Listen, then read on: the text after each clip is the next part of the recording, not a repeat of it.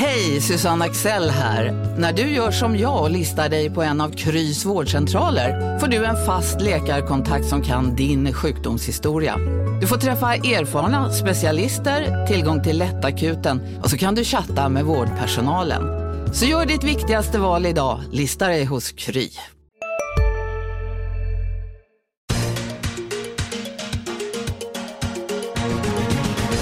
Hej och välkommen till Makrorådet, podden där vi pratar om de stora ekonomiska frågorna. Gäster idag är Johan Javeus, analyschef på SCB och Anna Öster, chefsekonom på Länsförsäkringar. En lite ny konstellation på panelen. Välkomna hit! Tackar. Tack. Ska säga jag heter Viktor Munkhammar och att det är den 11 oktober när vi eh, står här och, och pratar. Idag på morgonen så kom det en ny mätning över inflationsförväntningarna. Det är ju någonting som Riksbanken följer väldigt noga. De här mätningarna görs på Riksbankens uppdrag eh, och eh, de fortsätter att stiga och ligger nu på 2% eller över på både 1, 2 och 5 års sikt. Anna, vad betyder det här? Vad säger de? Ja, men generellt är det här ytterligare ett tecken på att vi borde närma, närma oss en vändpunkt i penningpolitiken. Det, vi har ju haft ett väldigt stort fokus på just inflationsförväntningarna. Det är ju det som har varit kärnan i problemet de senaste åren. Inte bara att inflationen har varit låg eh, här och nu, det kan man knappt säga för den har varit låg ganska länge, men, men det är inte liksom den dagsaktuella inflationen som har varit problemet utan det är just att inflationsförväntningarna dippade på grund av att det försiggick under så lång tid. Och det har ju Riksbanken själva varit tydliga med att de har varit otroligt oroade över det och det ligger till grund för den här extrema penningpolitiken som vi har sett. Ja. Så att bara att det ser ut på det här viset och att det håller i sig ett tag, det är ju ett gott tecken och det är någonting de borde ta till sig i sin analys. Ännu en bra mätpunkt för Riksbanken då Johan, är det så man ska sammanfatta det? Ja, sen kan man ju diskutera huruvida det är en bra mätpunkt eller inte. Där, mm. Tittar man på de här två, nu frågar man ju faktiskt också om KPIF Mm. Det nya, nya målvariabeln ja. där man rensar bort för effekter av ränteförändringar. Exakt. Mm. Och det intressanta är ju att svaren på de här blir exakt mm. lika. På de här, vad penningmarknadsaktörer tror om KPI och KPIF. Ja, precis. Ja. Och då skulle man ju kunna tänka sig att betyder det här att man inte väntar sig några räntehöjningar under de kommande fem åren? Mm. Vilket man ju då inte gör, för det frågar man nämligen också om. Så att, eh, det är inte det visar ju, Nej, det är inte konsistent och det visar lite på begränsningen av de slutsatser man kan dra från sådana här undersökningar. Okej, okay. så med lite nypa salt då ska man ändå ta ja. det? Även om det ja. Jag misstänker att KPI, alltså de tidigare undersökningarna egentligen inte har varit rättvisande. Eh, för att med tanke på den inflationsbild de flesta har haft så har den varit orimligt låg på senare tiden. Tycker jag. Eh, men jag håller med, det är inte konsistent. Nej, Okej, okay, bra. Det var dagens, eller morgonens viktigaste statistikpunkt. Sen så ska vi säga också att eh, vi fick ju ett ekonomipris här i, i måndags. Eh, ett roligt sånt tyckte jag i alla fall. Richard Taylor som är förgrundsgestalt för eh, den här beteendeinriktningen kan man väl säga inom nationalekonomin. Var det, vann rätt låt Johan? Absolut. Absolut. Jag ska säga att jag är inte jättefamiljär med hans forskning så men jag tycker att hela andemeningen i, i, eh, hans tankar och funderingar kring hur man ska se på ekonomi och ekonomisk vetenskap är väldigt, väldigt intressanta. Också väldigt viktiga att ta till sig, både för ekonomer men också för politiker.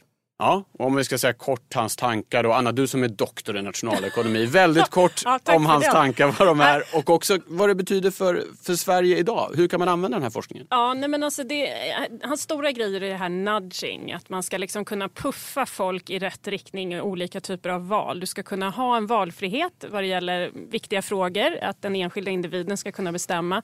Men du ska hjälpa dem genom att på något vis sätta defaultvärdet i en positiv riktning.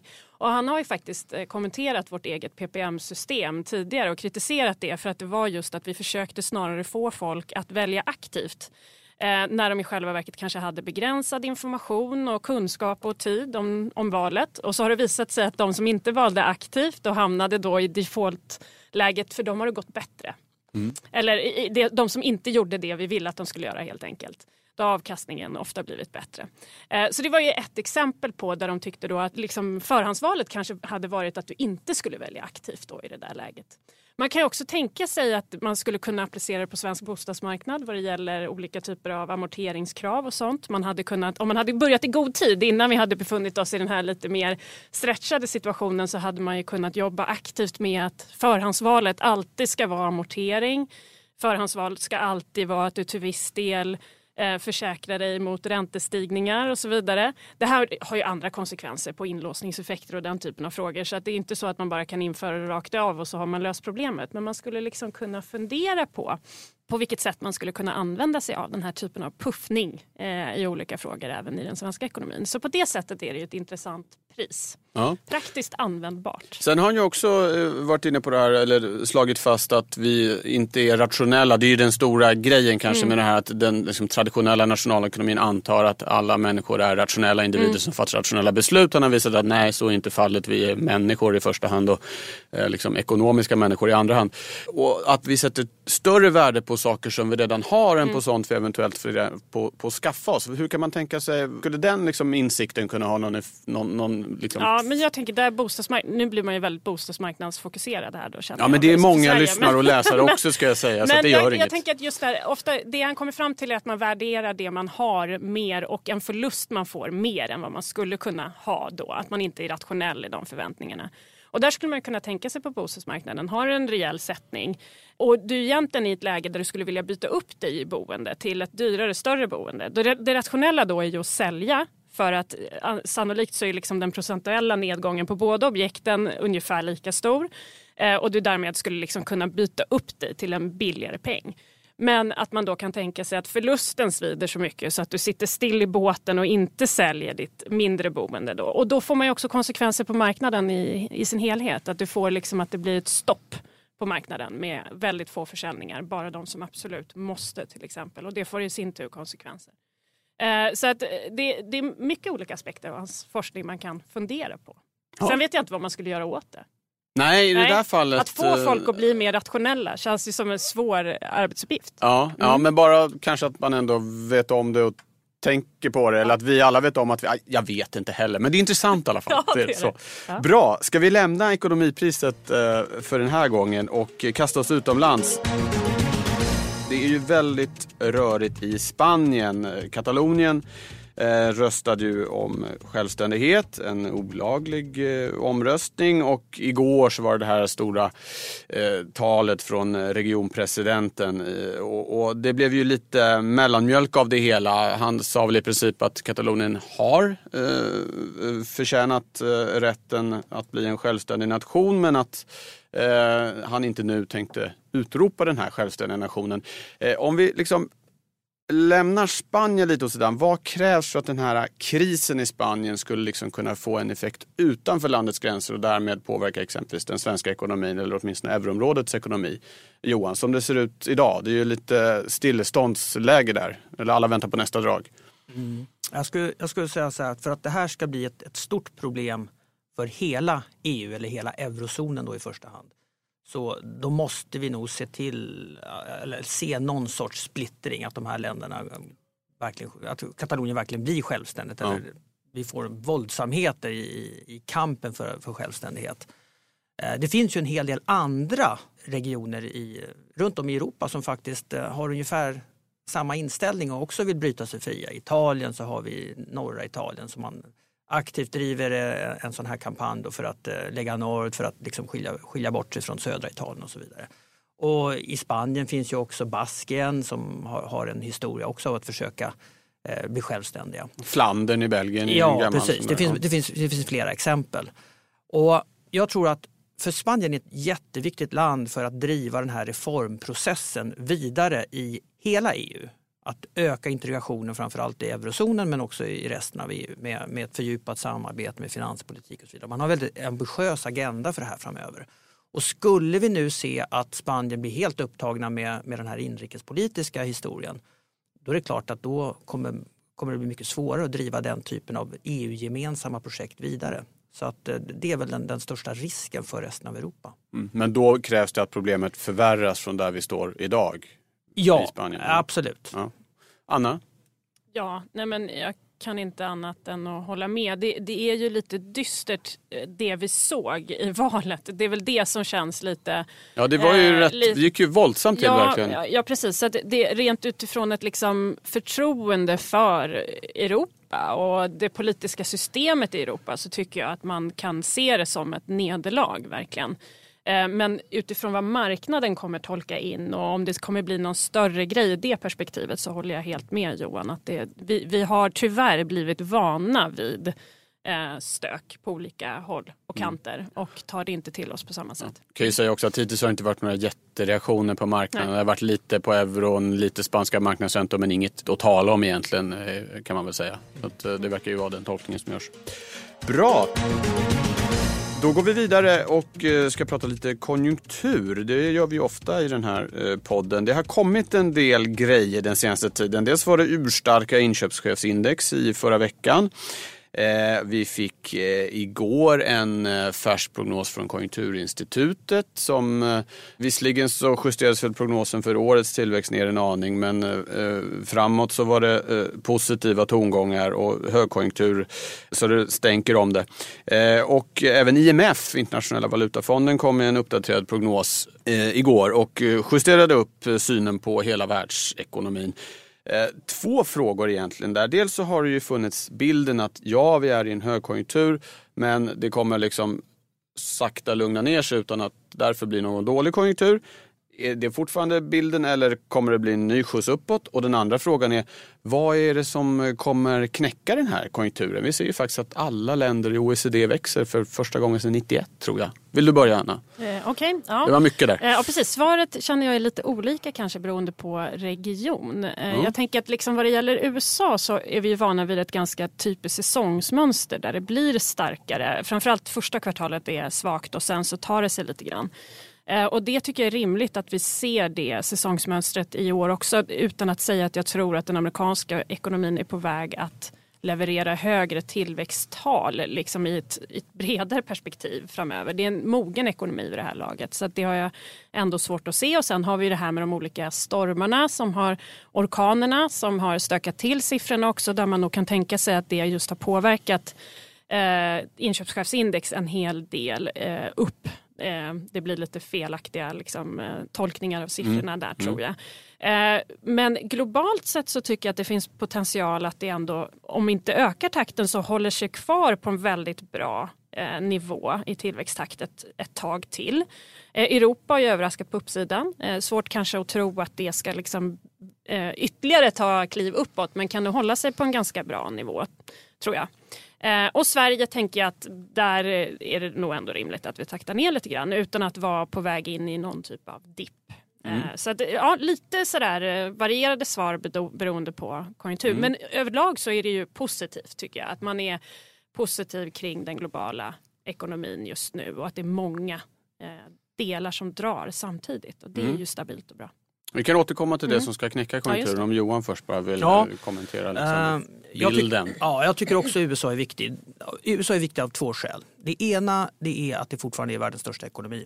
Men det andra är också att det är en ekonomi som har ledande egenskaper. Det vill säga det som händer i USA tenderar att hända i Europa och andra delar av världen med en viss fördröjning. Så därför tittar vi mycket på USA.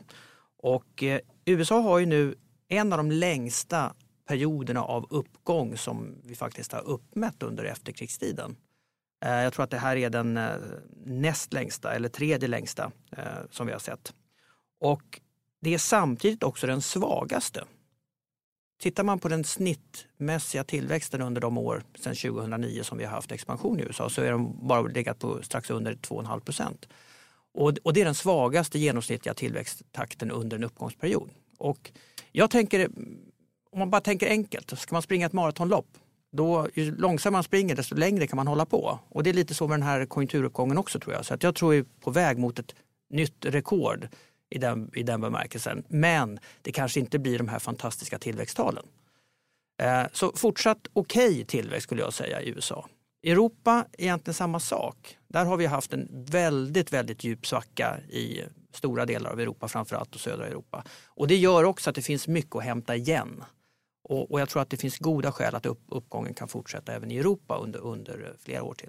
Ja, ja Anna, eh, vad ska ta knäcken på uppgången då? Ja, alltså det vanliga höll jag på att säga som är en större risk i dagsläget tror jag än vad det har varit tidigare också.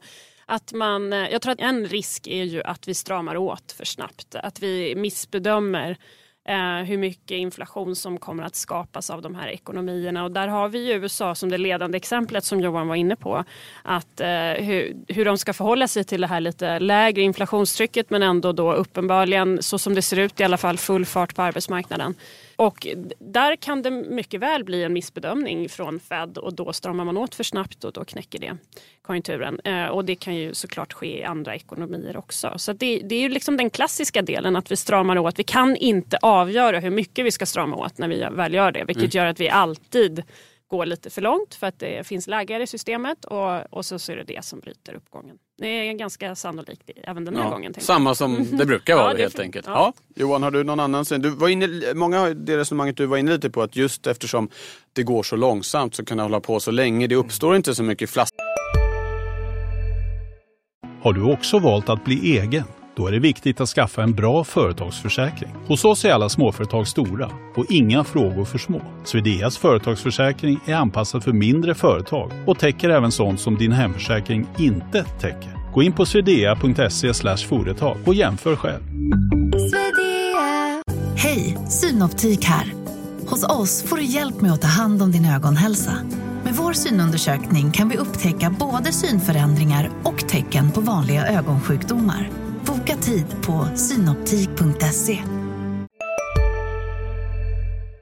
Kalsar som liksom tar kläcker på det. Är det liksom till slut att det ska bli räntehöjningar då därför att centralbankerna ser eller tror sig se inflation? Eller? Ja, alltså, jag, jag förstår Annas resonemang och, och, jag vet att det är många som för det. Jag, jag personligen är rätt så lugn för att vi inte kommer få några policymisstag på det sättet. Eh, tittar man på USA och Fed, vad de gör nu, normalt sett, i normalt sett när man bestämmer sig att nu ska vi börja höja räntorna i USA så gör man en räntehöjning på varje möte och det, är som en, det blir precis som en trappa.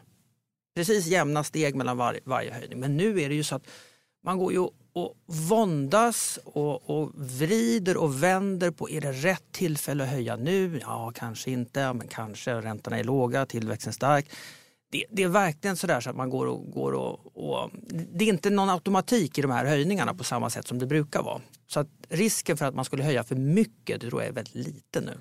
Och dessutom räntenivåerna som vi har att jobba med, de är ju väldigt, väldigt låga. Jag tror att det krävs betydligt högre räntenivåer för att vi ska få nivåer som riskerar att knäcka konjunkturen. Så vad är det då, då som kommer att ta koll på konjunkturen ja, men, till sist? Alltså, jag, jag, jag tror att det, i dagsläget så är det svårt att se några sådana här stora orosmoln på makrohimlen eh, i det perspektivet. Kina lyfter man ju alltid fram som liksom en ekonomi som är viktig och som har haft en expansion som har pågått alldeles för länge då enligt, enligt många bedömare. Vi borde haft en, en rejäl sättning och, och riktig krasch i kinesisk ekonomi för länge sedan egentligen. Men eh, just nu ser det bra ut även där. Det ser stabilt ut i Kina.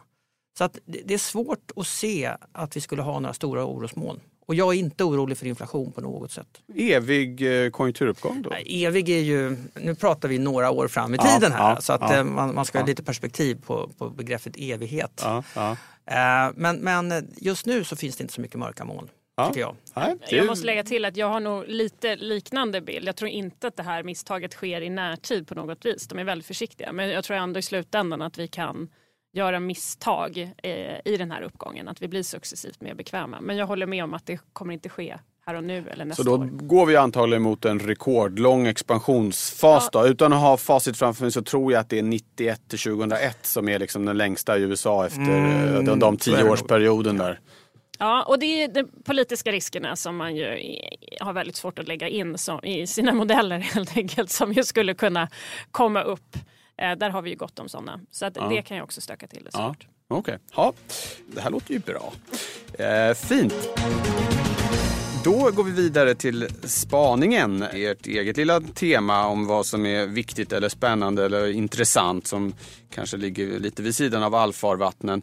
Eh, Anna, vad har du med dig för spaning idag? Ja, jag tänkte att vi skulle liksom, eller jag ville prata lite om jämviktsnivåer. Mm. Eh, det är någonting som liksom inte Ljuv låter så i alla ekonomnördars öron. Men som liksom ändå har seglat upp. Det brukar finnas liksom där i bakgrunden ja. men nu har det liksom fått lite mer spela huvudrollen här med tanke på den senaste budgeten vi fick mm. från eh, mm. Magdalena Andersson. Eh, och det jag tänker på då, eh, generellt sett så är det ju så att om man, om man ska göra konjunkturbedömningar eh, framåt så behöver man också ha någon typ av bedömning om var de här jämviktsnivåerna ligger. För att då ska du liksom kunna avgöra, även om du tittar på vad du tror att faktisk BNP-tillväxt blir, så måste du också kunna avgöra hur mycket av det som på något vis är konjunktur och hur mycket av det som är vad ekonomin i en jämvikt ändå skulle kunna leverera om vi använder resurserna då i någon typ av rimlig utsträckning. Och det är ju svårare än vanligt skulle jag vilja säga att göra de här bedömningarna nu. Det är jättesvårt generellt för att det är ju någonting vi inte observerar. Eh, det här är ju inget som kommer liksom från eh, Statistiska centralbyrån med siffror på utan det här är en bedömning varje prognosmakare behöver göra. Och det är också svårare, det får man nästan inte säga som prognosmakare då, att det är svårare än någonsin för att det, det hävdar vi ju alltid. Men, men på den här fronten så är det i alla fall rejält utmanande nu tycker jag med tanke på att vi... Det är roligare och mer intressant ja, än någonsin. Exakt, ja, mycket, mycket ja. intressant. Eh, just för att vi inte riktigt har kunnat observera de här jämviktsnivåerna på länge. Vi har varit inne i en lång period av kris eller krisåterhämtning sedan finanskrisen. Och enda sättet att göra en bedömning om vad de här nivåerna är, är ju i alla fall, eller ett sätt är att titta på när inflationen verkligen tar fart. Då har man liksom kunnat i efterhand definiera att där var vi i en jämvikt. Och så kan man ju börja göra bedömningarna från en ny, ett nytt avstamp. Men nu har vi liksom inget avstamp på väldigt, väldigt lång tid.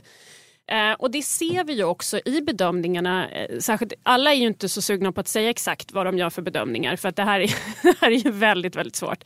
Men de offentliga myndigheterna gör ju, alltså vi har ju både Riksbanken och KI och regeringen går ju ut hyfsat tydligt med vad de har för bedömningar i de här eh, variablerna. Och nu ser vi att det spretar ordentligt. Och varför är det överhuvudtaget? Alltså varför pratar jag om det kan man ju fundera på. Eh, men det visar sig ju att det är väldigt, väldigt viktigt just nu. För en av anledningarna till att regeringen anser att de har så mycket pengar att spendera det är att de gör en mycket starkare bedömning av den potentiella BNP-tillväxten i Sverige då, än många andra bedömare. Eh, de räknar alltså med att den svenska ekonomin kan växa mycket starkare. I genomsnitt kan man lite enkelt uttrycka sig än vad andra tänker.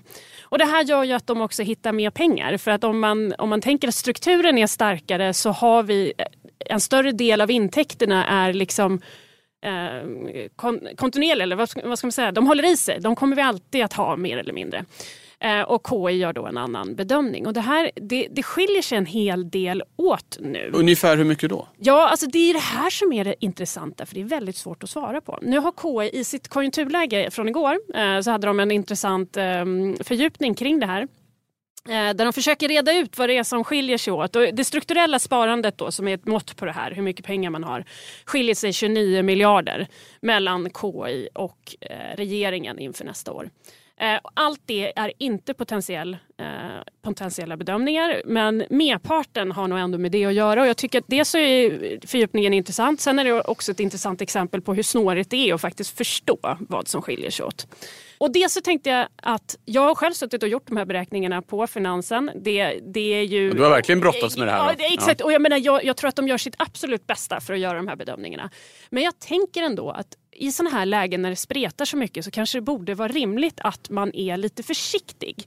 Eh, om man helt plötsligt själv hamnar i en bedömning som gör att jag har 30 miljarder mer än alla andra, då kanske det borde slå in någon typ av spärr, eh, särskilt från regeringens håll då, som styr över pengarna, som säger att nej, du får inte använda hela den där diffen för att det är ganska sannolikt att du eh, överskattar. Eh, och är det så att man överskattar det hela, då är det ju inga problem. För, eller om, om man inte har gjort det, om man har gjort rätt beräkning, eh, då finns ju pengarna kvar. Så du kan ju använda de här senare. Det är svårt för politiker i valår att tänka att det är lugnt för de här pengarna finns kvar till senare. Man vill ju gärna använda dem nu. Ja. Men det är inte så att pengarna försvinner. Utan är det så att ekonomin kan växa starkare så har vi också mer pengar långsiktigt. Men att när bedömningarna spretar tycker jag man kanske borde vara lite mer försiktig. Och jag tycker också vi borde fundera på om vi ska vara lite mer transparenta kring det här. För det har stora effekter och det är väldigt svårt att förstå. Det är svårt för oss som sitter med det heltid och grotta i. Eh, och därmed helt omöjligt för vanliga människor som inte tycker att det är kul att grotta i jämviktsnivåer eh, till vardags. Och risken då man, som man kan, om man gör en för positiv bedömning är att man binder upp eh, staten eller det offentliga mm. till utgifter som sen ekonomin inte klarar av att bära och så Precis. får man dra i bromsen sen och höja skatter eller spara ner och så blir det en ryckighet. Ja. Det är det som är faran med det. Ja, och att man i det här läget kanske stimulerar ekonomin för mycket än vad som är rimligt också. Så det ja. finns både liksom kortsiktiga och lite långsiktiga negativa effekter av det här. Ja, mm. Johan? Reflektion, ja, kommentar? Alltså, ja, men alltså jag förstår ju Annas, Annas tankar här. Då. Samtidigt så tycker jag att det är, det är rätt att politiker ska fatta de här besluten. Om politiker skulle lägga ut beslutet om hur mycket pengar man ska spendera på tjänstemän på Konjunkturinstitutet, då tror jag att vi har ett demokratiskt problem som skulle vara väldigt, väldigt jobbigt. Många menar redan att vi har det i viss mån när det gäller penningpolitiken. Så jag, jag, tror att det är bra att finansen får göra den här bedömningen och sen så ska den vara transparent mm. så att man kan ifrågasätta den. Sen generellt sett när det gäller sparande så visst, vi kan säga att vi kan spara pengarna nu och vi kan ha dem till senare tillfälle. För mig är det lite problematiskt också ur ett rättviseperspektiv. För att när vi sparar pengar, när staten sparar pengar, då är det egentligen så att då tar man ju konsumtionsutrymme från de som lever och verkar idag och ger till framtida generationer och det kan upplevas som faktiskt inte helt rättvist. Så att det här spar överskott, eller överskottsmålet som vi har och ska ha för, för lång tid, det är någonting som man också utifrån det perspektivet faktiskt kan ifrågasätta. Mm. Det kan jag hålla med om. Men givet att vi har det så ska vi inte låtsas att vi följer det om vi inte gör det. Nej, det, man, ska, man ska vara ja, hederlig i sin, i sin redovisning. Precis. Så tra mer transparens kan ja. ni vara eniga om ja, i alla fall? Absolut. Ja, så mm. brukar det vara. Ja, tack för det, intressant. Johan, vad har du uh, för spaning? Ja, jag, tänkte, jag har egentligen tre, tre små reflektioner. okay. Jag från, tre spaningar. Ja, ja, Från en resa i, i, USA som jag gjorde nyligen. Just det, du har just kommit tillbaka därifrån. Ja. Och eh, jag tänkte tre slutsatser som man tog med sig efter att ha träffat en massa olika eh, ekonomer eh, och, och, andra, andra bedömare, politiska ja, tänkare av olika slag. Så det ena, det är ju då att alla är förvånade över att varför inflationen är så låg och varför inte lönerna tar fart. Och alla erkänner också, åtminstone i slutna sällskap som det här, att eh, man inte har någon aning om varför det är så på det här sättet. Och man har ingen fungerande modell för hur inflationen ska angripas. Hur man, hur man så att säga, ska få ett grepp om vad är det som driver inflation och varför är den så låg som idag. Och det är någonting som jag tror att eh, även om Fed hävdar att eh, de gamla sambanden ändå gäller och förr eller senare så kommer inflationen i, eftersom arbetsmarknaden är så stark så tror jag att eh, övertygelsen egentligen är mycket svagare. Ja. Det andra det är ju eh, alla de här skattesänkningarna som till stor del är ofinansierade som ska rullas ut och då kommer ju då skuldfinansieras och den amerikanska statsskulden kommer fortsätta öka. Den är redan över 100 procent av BNP. Och många frågar sig hur länge kan det här fortsätta? Och många hävdar också att inom republikansk håll då så finns det ett stort motstånd mot att driva skulderna högre och att därigenom inte skulle bli möjligt att göra de här skattesänkningarna.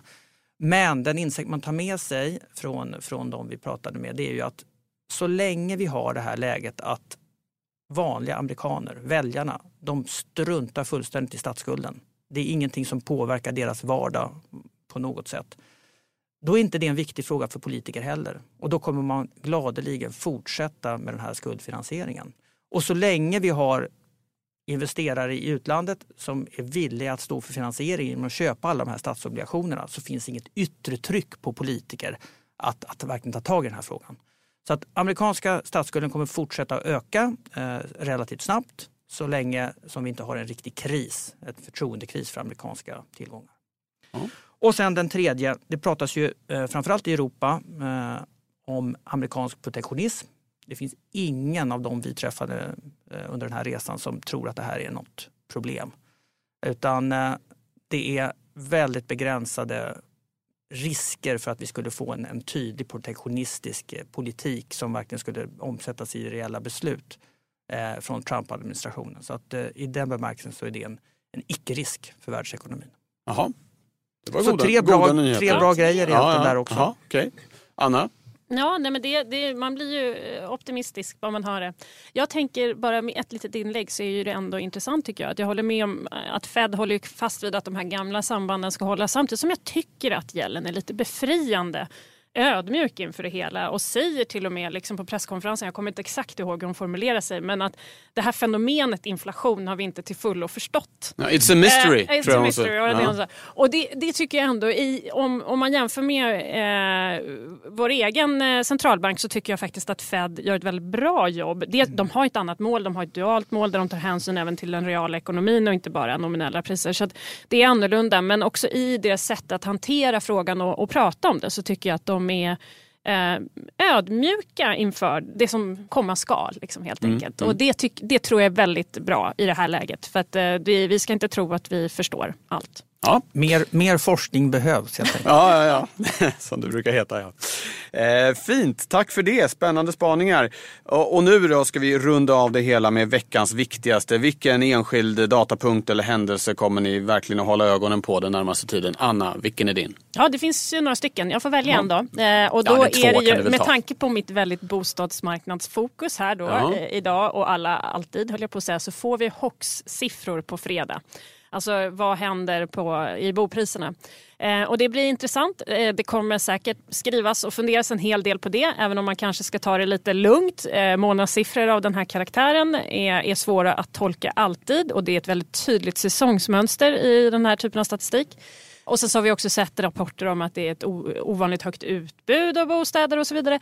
Men det kommer inte hindra att det här kommer att diskuteras mycket och funderas över. Så det är en väldigt viktig siffra ändå som kommer på fredag. Ja, mm. tack. Johan, vad ja, du på? Jag tar ju svensk inflation då som vi får nu i veckan. Och eh, förväntat, eller vi förväntar oss, marknaden förväntar sig, eh, jag tror även Riksbanken förväntar sig ytterligare uppgång då i KPIF, mm. 2,5 procent. Spännande att se. Vi får amerikansk inflation också va, på det fredag, så det blir mm. också spännande. Ja. Mycket kul att se fram emot. Mycket kul att se fram emot. Stort tack ska ni ha för idag. Tack ska du ha som har lyssnat. Eh, vi är tillbaka igen den 25 oktober. Ha det så bra så länge. Hej hej! Makrorådet från Dagens Industri. Podden klipps av Umami Produktion. Ansvarig utgivare Lotta Edling.